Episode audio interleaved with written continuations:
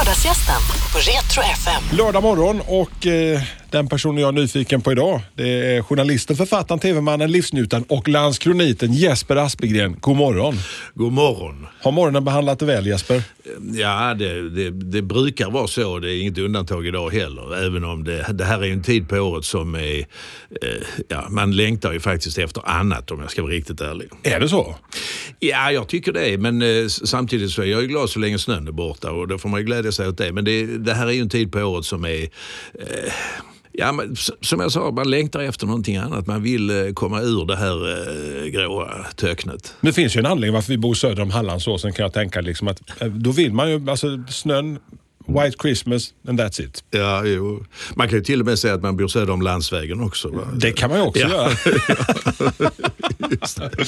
Men du, alltså jag sitter och tänker på att du, du har ju passerat det magiska på pappret eh, strecket eh, och, eh, 65 då. Men, men alltså, du, när jag skulle ringa till dig så att du ville komma så att oh, alltså, måste titta min kalender. Jag är så fullbokad.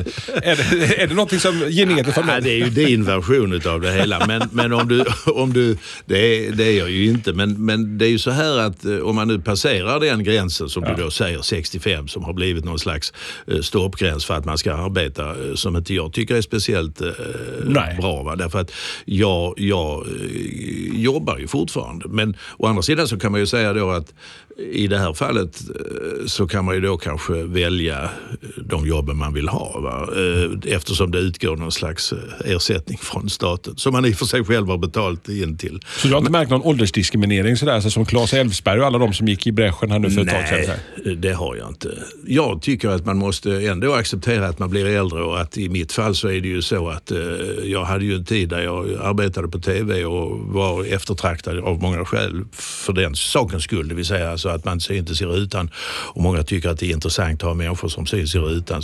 Alltså, så. Eh, men, men jag har aldrig känt eh, att det skulle vara någon slags eh, åldersdiskriminering. Det tycker jag inte. Det tycker jag inte. Rötterna i Landskrona. Alltså, den unge Jesper Aspegren i Landskrona. Hur var uppväxten i Landskrona?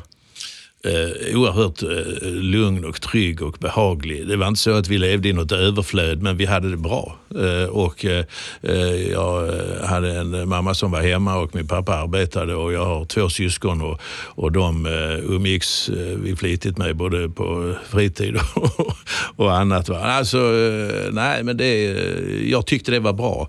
Jag tyckte det var en... eh, Vi bodde ju eh, längs havet, alltså mellan, mellan stan och, och Borstahusen. Eh, Och eh, det fick ju mig intresserad av båtar och havet och segling och sånt. Så närheten till havet är viktigt fortfarande eller? Ja, det är det ju. Nu bor jag ju i, i Falsterbo och det är ju, det är ju också...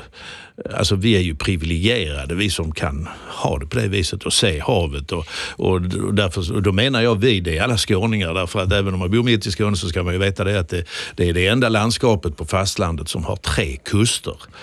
Och det är ju, eh, tror jag, nej det är ju inget annat landskap i Sverige som har det.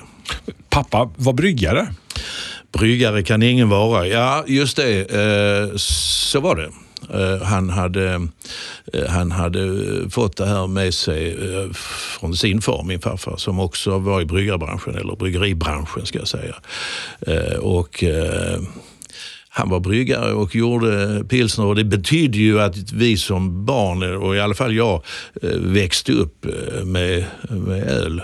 Vi drack ju Ja. inte. Ja, alltså jag brukar ju berätta historien om när min faster skulle fylla 50. Det var 1956 och jag var sex år gammal eh, och skulle skjutsas, eller skulle åka till Stockholm. Och, och då åkte man ensam på tåget, sex år gammal.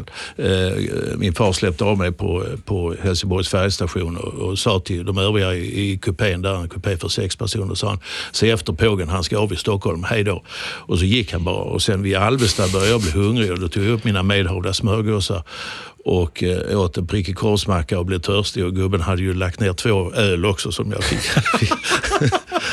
det tog jag upp på. För mig var det fullkomligt naturligt men de som satt i, i Men kupén. stackars lille påg. Ja, dricka en bir. Ja, så var det.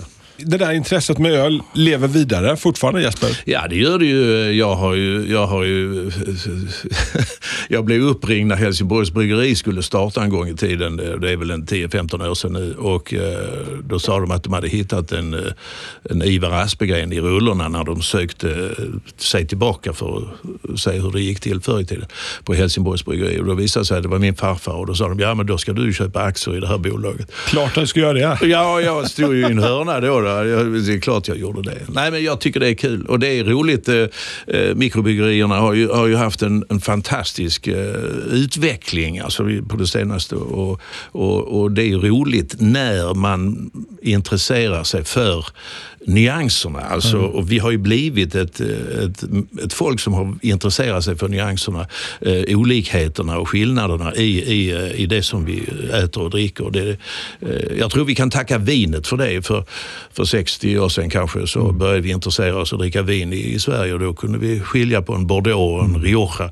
Och sen har det bara kommit slag i slag. Och, när min gode vän Fernando Di Luca eh, eh, kom till Sverige på 60-talet så hade han ju med sig oliver, olivolja och, och blev bestört när han såg att, mm. att eh, man bara kunde köpa olivolja på apoteket. Märkligt nog. Ja, just det. Det var ju som en liten sån. Mm. Ja, och, och, idag är han ju den största som, med sitt företag Zeta som, som, som har verkligen gett oss olivolja mm. i, i massa olika versioner. Och det är ju också, jag menar det här föder sig själv. Choklad, ja. kaffe, du har allting egentligen som som vi kan, eh, som vi kan eh, grotta ner oss i och smaka på. Va? En väldig experimentlusta kan jag känna liksom när, när vi pratar om mikro, mikrobryggerier. Att man testar gränserna och töjer mm. och så.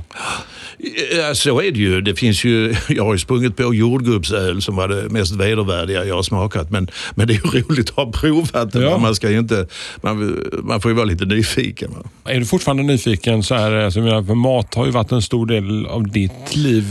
Ja, eh, det, så är det. Och, och jag tyckte det var extra roligt när jag blev, precis ett år sedan faktiskt, ombedd att skriva Leif Mannerströms memoarer. Och Leif är tio år äldre än vad jag är snart 80 och ska skriva sina memoarer. Och under arbetet som, med den boken, eh, nu har jag i och för sig känt Leif i över 30 år, men, men eh, arbetet med boken gjorde ju att man kom närmare och insåg hur viktigt det är att vara nyfiken därför att han är en person som är nyfiken och öppen för nymodigheter. Även, han är ju traditionalist i många stycken med, med julen och så vidare. Men han är nyfiken och det tror jag är, är en, en bra egenskap. alltså den där eh, Leif Mannerström som vi har lärt känna, eller svenskarna gemen har lärt känna genom Sveriges Mästerkock. Den bistre farbrorn med bulldog-ansiktet som bara spänner ögonen i en liksom och man känner sig så pytteliten. Han har ju gått den långa vägen, den hårda skolan med, med elaka kockar och med, med eh, alltså, eh, som arbetsledare så småningom så förstod han ju att man, man får vara hård och rättvis. Va? Och han eh, i alla fall betonade i den boken och i det eh, umgänget jag hade med honom eh, nu så nära, eh, att han är en person som är, värnar väldigt mycket om rättvisa och, och att det ska vara schysst och så. Men det kräver, i den miljön, i ett kök, kräver det också att man är eh, redig, tydlig och klar. Och det kan ibland uppfattas som elakt också, men det är det inte. Men vad, vad blev du mest förvånad över om du har känt honom innan, alltså när du började skriva boken och hans memoarer? Var, var, var det någon sån grej oj, det hade jag ingen aning om? Alltså jag, jag har ju känt till det lite grann, men jag kunde ändå inte låta bli att och, och, och skratta lite grann, och, eh, eller le lite grann rättare sagt. Jag läste upp, jag ringde, jag skrev ju under tiden som vi hade kontakt naturligtvis. Och, och jag läste upp ett, eh, några rader, något kapitel för honom och, och det blev alldeles tyst i andra änden. Och tänkte jag, fan också, nu är jag ute och snurrar. Och så frågade jag, är du kvar? Ja, ja, jag är kvar. Och det är kanon. Då satt han och grät i bilen. Va? För att han, han blev så rörd. Va? Och han, han, han är en, en väldigt uh, käns, känslosam person. Ja. Faktiskt bakom den fasaden. Men vi ska komma ihåg, om man nu pratar eh, alltså karaktärer och så, men den gärning han har gjort är ju ställt utom alla tvivel den största inom restaurangnäringen i Sverige. Och då räknar jag in Tore Wretman, för Tore Wretman var restauratör mm. och, eh, och eh, han var inte kock på samma sätt som, som eh, Leif är och framförallt har varit. Men, men och, och, och när Leif och Christer Svantesson tar in det franska köket till Sverige. Restaurang Johanna i Göteborg. Ja, just det. Mm. Och eh, det är, ju, det är ju där de, de skapar då, lägger grunden för den matlagning vi ser i Sverige idag. Din passion för mat Jesper, var kommer den från? Är det från morsans kök eller att du har stått vid spisen bredvid? Eller? Nej, ja, min far gjorde brynt vitkålssoppa och köket såg ut som ett bombnedslag efteråt. Men, men, och jag tyckte aldrig om brynt, brynt vitkålssoppa heller. Men Nej, det kom faktiskt i, eh, när jag gjorde eh, lumpen. Eh, då var jag hovmästare på en fregatt som hette Sundsvall. Och där hade vi en kock som dessutom också var göteborgare. Robert av Ekström hette han. Han var fenomenalt skicklig och gjorde rätter som man inte förväntade sig skulle dyka upp när man gjorde militärtjänsten. Det var fantastiskt. Sen Sen när jag, efter, när jag hade muckat så kom jag, eh, kom jag till Lund och eh, då jobbade jag som servitör på två restauranger samtidigt. Vilka då? Vilka var det? Ja, på Spisen och restaurang Asia som sen blev Sodom som nattklubb på, på natten. Åh, legendariska Sodom. Ja, ja. ja. Och, eh, och där, där, där kom man ju också i kontakt med, med mat och så. Så att nej, det, det rullade på och det blev, det blev ett intresse. Men varför blev det journalistiken då? Varför blev det inte kock istället, eh, Jesper Aspegren? Nej, alltså det, jag började ju läsa juridik i Lund och, och läste folklivsforskning och statskunskap och upptäckte ju att det kommer nog aldrig bli någonting av mig, vare sig när det gäller juridiken eller, eller etnologin. Men jag har haft en del nytta av det. Men sen hade jag en fjälla, som det heter på skånska, vars föräldrar var journalist journalister, ganska eh, framstående journalister. Och eh, jag var fascinerad av dem. Jag tyckte de var spännande personer. De hade ett arbete där man, där man eh, kunde påverka och där man kunde där man träffade spännande människor. Jag tyckte det var roligt. Men var det ett kall på det? Blev det ett kall nej, eller var det bara en passion? Det, nej, det blev det inte. Nej, kall, jag vet inte om man ska... Alltså det finns ju de som säger att journalist, man blir journalist för att man vill förbättra världen. Ja, och det, det är väl bra. Det, det, har det inte varit för mig. Jag, jag rullade på. Jag hade, jag hade en, eh, en, eh, en bra resa där och lyckades komma in på Skurups folkhögskola efter det att jag hade pluggat i Lund och så. Och, eh, och, och tyckte det var lite halvflummigt roligt och så. Men det var roliga kompisar där och alla de som gick där har det, har det gått faktiskt eh, eh väldigt bra för den generationen som kanske var med där i mitten på 70-talet känner kanske inte bara dig som tv-mannen Jesper Aspgren utan du är ju faktiskt lokalradiorösten gamla Radio Kristianstad, ja. back in the days, 1977. Ja, nej men det var roligt därför att det finns ju en koppling däremellan och det var ju att på, på Skurup, på utbildningen där så hade vi en, i, i radiojournalistik hade vi en, en kille som hette Åke Lind. Och Åke var eh, då anställd på Sydnytt eller på Sydkvart, jag kommer inte ihåg. Men, eh, men eh, och när sen lokalradion startade så blev han chef i Kristianstad. Och då, hade han, eh, då ringde han mig och så sa han, nu, nu när jag blir chef och vi börjar om ett halvår så tycker jag att du ska söka jobbet, sa han. Och, eh, och då var jag först på Mellersta Skåne, en liten fin tidning i Hörby. Finns inte längre. Den köptes av Skånska Dagbladet när jag slutade. Det hade inte så mycket med mig att göra, men ändå. Och då var jag ett år och sen började lokalradion 77 och då eh, då eh, skickade jag in en anmälan till Åke eh, Lind på Radio Kristianstad så fick jag jobbet. Och det var, ju, det var ju en tid som var helt fantastisk måste jag säga. Det var ju en, eh, när man eh, eh gick ut och sände överallt ifrån. Och man var överallt i, i buskarna och på torgen och i, i maktens boningar och, och ställde frågor och så. Nej, det, var, det var väldigt roligt. Gamla gasverket, Kristianstad. Gamla gasverket, Gasverksgatan i Kristianstad, där gamla gasverket. Fina lokaler också. Jag tror de är kvar där. Ja, ja. Oh, ja. Och sjön, mm. Hammarsjön där intill också. Ja. Fantastiskt vackert. Ja, nej, men det var en rolig tid och vi hade ju, eh, nu vet jag inte om man ska säga tur i sammanhanget, men för vår utvecklings, eh, alltså radiostationens utvecklings skull så var det ju tur att vi fick några vinterstormar där som gjorde att... Katastrof-Karsten. Ja, men han jobbade ju i Malmö. Ja, han gjorde ja, det. Kalle Ja. jobbade i Malmö. Ja, ja. Och, eh, men vi hade, ju, vi hade ju också igenkorkade vägar och man åkte bandvagnar och, och ute på Österlen och, och sände direkt. Och, ja, det var fantastiskt. Och där fick ju själva eh, fenomenet lokalradio verkligen en, en rivstart, alltså en kalasstart skulle man kunna säga. Därför att detta gjorde ju att människor satt de var ju tvingade att sitta och få information om vilka Mm. vägar som var öppna och hur det, gick till, hur det stod till. Och, och, och lågtrycken när de kom in och så vidare. Och man hade meteorolog. Nej, det, var, det var fantastiskt. Och sen någonstans där så var han inte nöjd utan han tänkte att han började blicka mot bild och rörlig bild, TV. Ja, ja, nej, ja, det var ju efter några år, jag vet inte, jag blev tillfrågad av eh, Bengt Göransson som, eh, som eh, hade varit eh, Sveriges televisionskorrespondent i öst, i gamla öststaterna. Och han, han var nu producent för Barnjournalen. Och, eh, och vi kände inte varandra, men plötsligt ringde han en dag och sa han ville börja på Barnjournalen.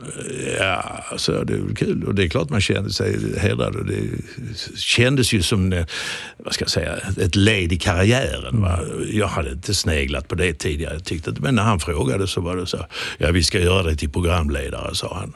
Det var ett av de första sakerna han sa. Och det, och det, ja, han fick ju kanske rätt. Men det var innan Bengt Fahlström skulle säga, innan han... Ja, Eller ni började samtidigt eller?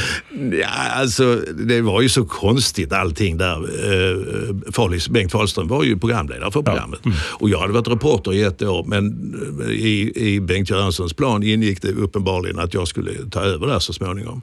Och eh, Så på ett eller annat vis så blev, eh, och detta är ju mycket märkligt, men eh, Bengt Fahlström blev ju ansedd som en säkerhetsrisk eh, och, och, TV, av, av Bengt Göransson. Och eh, eh, TV-ledningen köpte detta, inte bara i Malmö utan i Stockholm också, och gav Fahlström en tjänstledighet och då fick jag hoppa in. Sen kom Bengt tillbaka, Ja. men då hade jag redan liksom etablerat. Men det, var en konstig, det, var, det var en konstig tid ska jag säga det. Och det, och det, det märkliga är att, att jag som då hade gått i, i, i, mer eller mindre i vadd och bomull i Kristianstad och tyckte var liksom livet lekte. Man hade var inga konflikter i en sånt. Hamnade i ett getingbo här nere. Alltså, I en konflikt mellan producenten och den gamla programledaren. Alltså, men jag blev ju en bricka i spelet. Va? Men, men det, jag tyckte, ja, aningslös kan du kanske kalla det, jag vet inte. Det produceras en himskans massa tv alltså, i, i Region Syd Ja, i i Sverige. Malmö, ja. Ja. Alltså, vilka alltså, så här, minnen från den tiden? Liksom, så här, andra... Ja, alltså grejen är ju att, grejen är ju att eh, Göteborg och Malmö hade en eh, vad ska jag säga, en axel gentemot, en axel kanske man ska säga, gentemot Stockholm. Eh, och de var skickliga på det eh, att manövrera cheferna både i Göteborg och Malmö. Därför att då hade, eh, om det var Göteborg som hade fredagar och Malmö hade lördagsunderhållningen, för det, så var det ju. Va? Och, eh, och då, eh, då ja, Stockholm utmanövrerades. Va? Både Malmö och Göteborg var väldigt starka tv-distrikt under den tiden. Eh, Med eh, Lasse Holmqvist i, i, Här är som, ditt liv, som, ja. som amiral på flaggskeppet Ja. kan man säga. Va? Och sen var ju Harald Treutiger va? Och, eh, och så kom det ju en, en rad andra efter det som, som gjorde Malmö TV till ett väldigt starkt eh, distrikt, va? eller en station. Och där var du en del i resan. Alltså, och man hoppar liksom lite framåt. Alltså, du är med och startar Antikrundan. Ja, alltså, ja och det, det, var ju, det var ju väldigt roligt därför att eh, när jag blev tillfrågad, Bengt Linné som var chef i Malmö då frågade mig om jag ville bli programledare för Antikrundan och då, och då berättade han om programmets idé och då sa jag, ja men kan det verkligen, kan det verkligen vara någonting att höra någon knastertorr expert berätta för vad Svensson har med sig till, eh, till eh, inspelningen?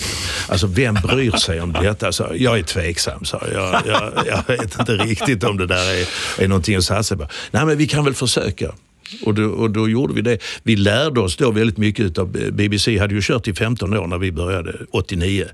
Eh, De fyller väl 30 år nu, Antikrundan. Just det. Ja.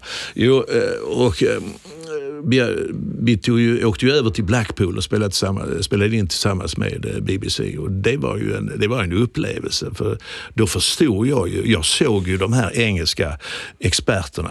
Det var ju personligheter som inte går att beskriva. Alltså de var ju, det, var, eh, det var fantastiska personligheter. Då förstod jag, hittar vi bara en eller två av de personligheterna som BBC har så kommer det här att gå bra. Alltså. Och det, så blev det ju. Jag menar, eh, Knut Knutsson har ju en, mm. En fantastisk tv-personlighet. Som har varit med sedan början? Han har varit med sedan början, ja. Och, Var hittade ni honom förresten? Eh, nej, men det var ju så här också att eh, Bo Knutsson, ja. som inte är släkt med, med Knutte, eh, var ju en av de drivande. Han var ju konsthandlare och är konsthandlare fortfarande. Eh, eh, en av de drivande som ville göra det här programmet också. Och eh, han var väl en stor del i det valet utav experter som var med första åren. Sköna söndag en annan sån här banbrytande första riktiga myspysiga soffprogrammet ja. ja. efter Godmorgon Sverige. Ja, det var det ju. Eh, och det, det, här var ju spännande därför det var ju inte... Eh, vi började väl eh, någon gång, när, började, när kan vi ha börjat där? 84, någonting sånt. 85 kanske, 86. Någonstans där och efterdyningarna från, eh, från 68-70-talet, alltså de här eh, vad ska jag säga, mm. vänstervindarna, de fanns ju fortfarande kvar i huset eh, och i hela, hela ska jag säga, företaget. Därför så tyckte alltså man blev chockad över att göra en glättad veckotidning i tv-format med det, med det innehållet, va? alltså som vi hade.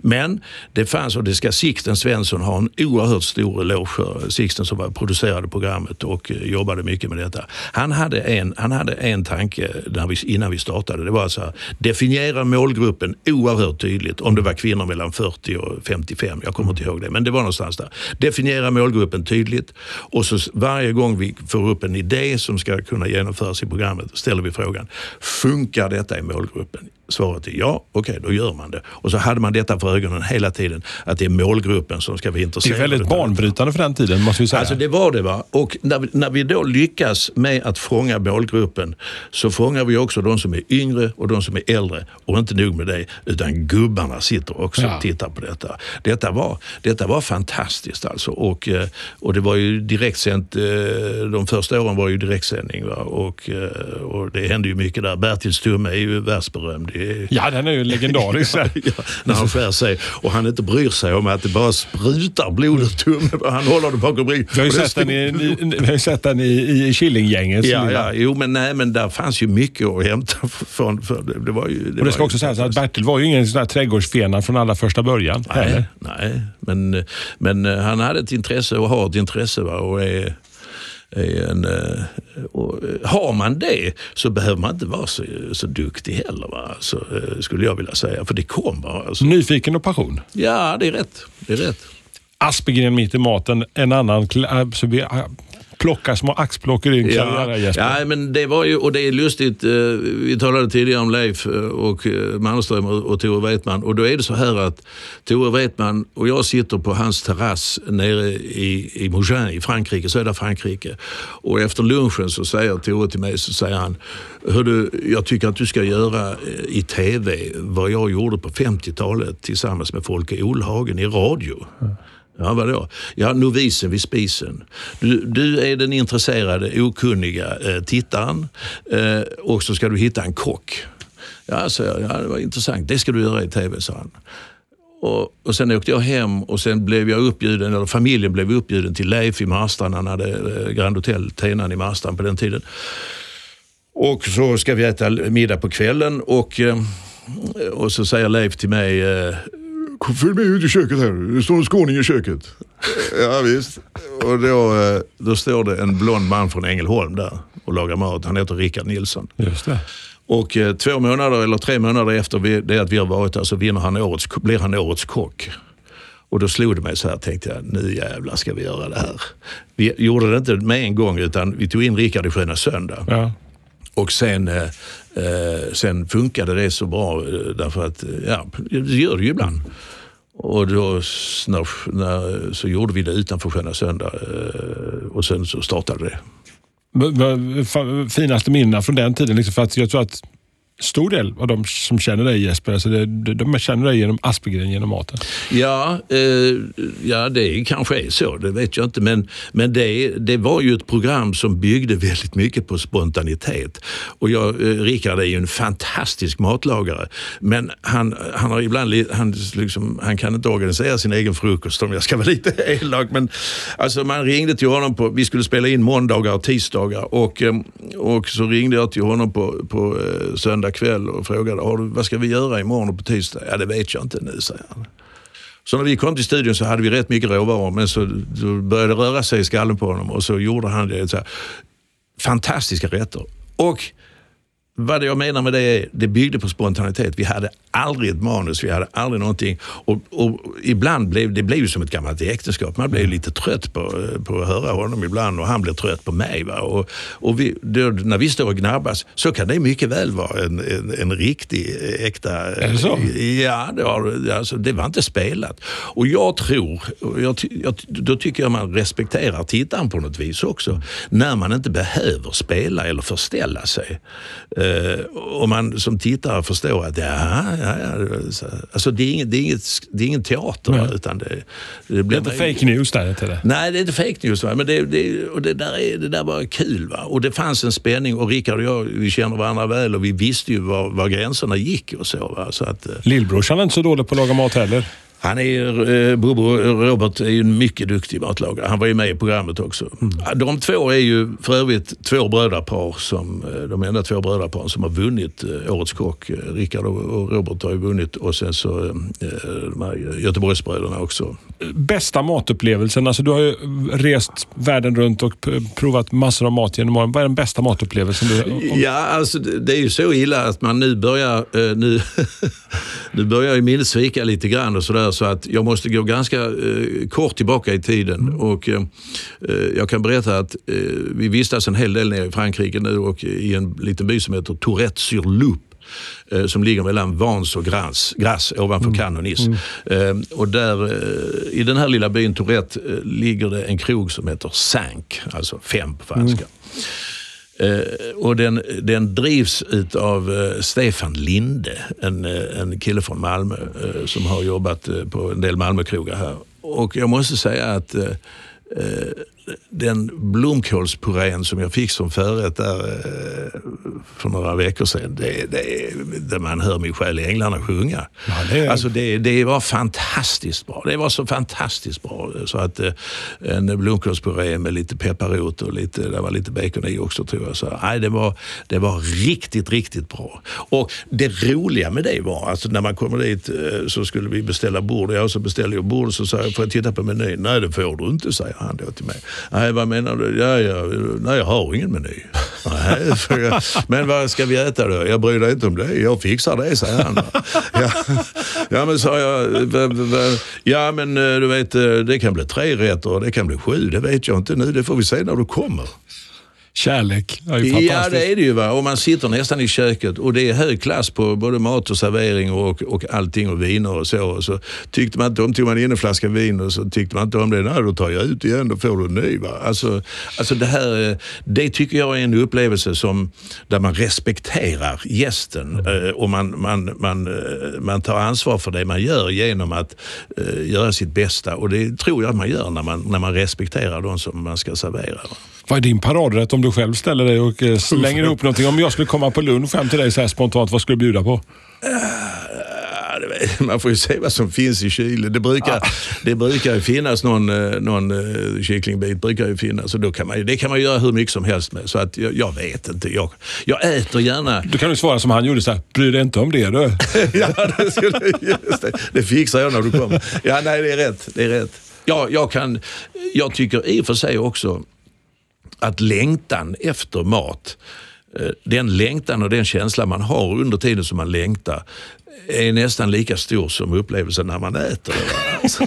Jo, men du vet, jag kan gå och gussa mig åt det. Nu är det väl lite tidigt. Nu. Jag kan gå och gussa mig åt liksom känna, känna glädjen över att snart är det dags för färskpotatis. Ja. Alltså, och hela den resan fram till dess att man gräver upp de första knölarna eller får de första knölarna.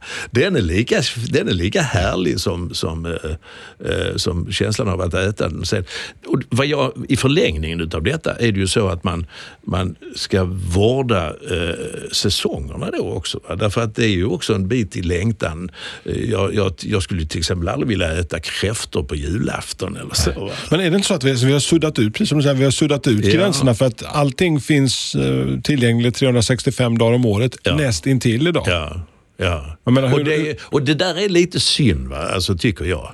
Alltså jag men hur sexigt är det med de här eh, svettiga tomaterna från Kanarieöarna eller Nej. från Spanien Nej. Eh, som inte smakar så mycket och sen får du en härlig skånsk ja. knallande röd ja. tomat eller från Österlen. Liksom Men varför smakar de ingenting? Jo, därför att man har förkortat eh, mog, tiden för deras mognad? Mm. för att tjäna så mycket pengar som möjligt. Och när man förkortat mog, den här mognadsprocessen, ja då eh, försvinner ju möjligheterna till att få den största upplevelsen.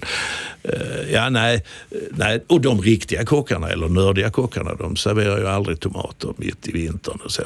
Det finns inte. Nej. Apropå det så, vi ska, Tarik Taylor och jag ska nu på, eh, nu ska vi säga lördagen den nionde ska vi prata rotfrukter nere i Falsterbo. Och, eh, och det där är ju också, det där är ju fint därför att där har arrangören då, han har, han har liksom sagt till sig själv, vad, vad är det vi gör, vad, vad, kan vi glädja oss åt under vintern? Jo, allt det vi har kunnat lagra från höstens skördar. Va? Alltså man, och då, då har vi fastnat på rotfrukter. Va? Och det, det är rätt fantastiskt eh, att man då och det är bara sådana frukter som man har lagrat, inga mm. andra, inga färska och så. Som man, och det där, är, det där blir spännande. Vi ska se, roten till det goda har vi kallat det för.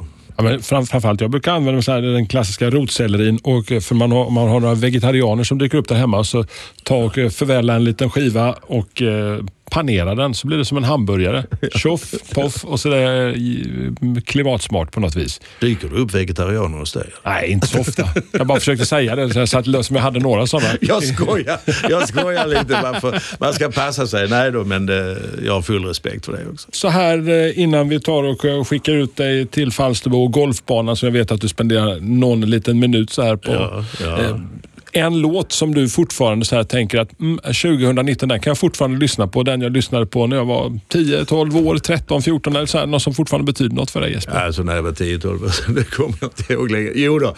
Nej, men det, det är ju så att det är ju väldigt, väldigt svårt. Alltså jag, tycker, jag lyssnar oerhört mycket på musik. Jag lyssnar på eh, egentligen all musik. Jag lyssnar en hel del på klassisk musik också. Men, men, eh, men framförallt naturligtvis modern musik. Och, och ska man lyfta fram då tre stycken, nu är det bara en som jag får välja vad ja. jag kan förstå. Eh, så är det ju klart att live-versionen av Bob Marleys No Woman No Cry är fantastisk. Även om den är så repetitiv och upprepande hela tiden så att det nästan är, men det är fantastiskt gung i den låten låten. Eh, sen finns det en annan med eh, eh Beds Are Burning, eh, en australiensisk Midnight grupp. Oil, ja. Midnight Oil, eh, som är otroligt bra. Alltså, som jag fortfarande lyssnar på. Jag vet när vi var ute och körde med när barnen var små eh, så, så, så spelade de den för mig på någon kassettbandspelare. Ja. Så den är ju ganska gammal också. Eh, men det jag väljer i det läget av de tre, för det kommer det tredje, Just det. det är Eagles Hotel California. Oh. Alltså som också eh, Ja, det, är en, det är en sagolik låt, alltså en, en berättelse, en episk historia. Jag tycker det är fantastiskt. Du, stort eh, tack för att du kom hit Jesper och lycka till med nästa golfrunda, när den nu blir. Ja, det blir i eftermiddag. Lycka till. tack.